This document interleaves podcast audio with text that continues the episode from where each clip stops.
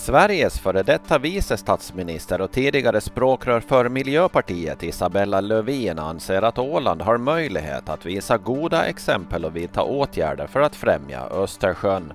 Hon säger att öbor ofta är en röst för havet och att Åland också kan vara det. Åland är mitt i Östersjön och ser förändringarna så tydligt, säger Lövin.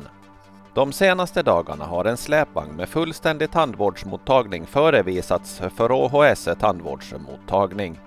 Det skulle vara en dröm att få utföra skärgårdstandvården med den här vagnen, säger ledande tandläkare Rika Lindholm. Hur det ser ut med en finansiering av en ny vagn är i dagsläget oklart.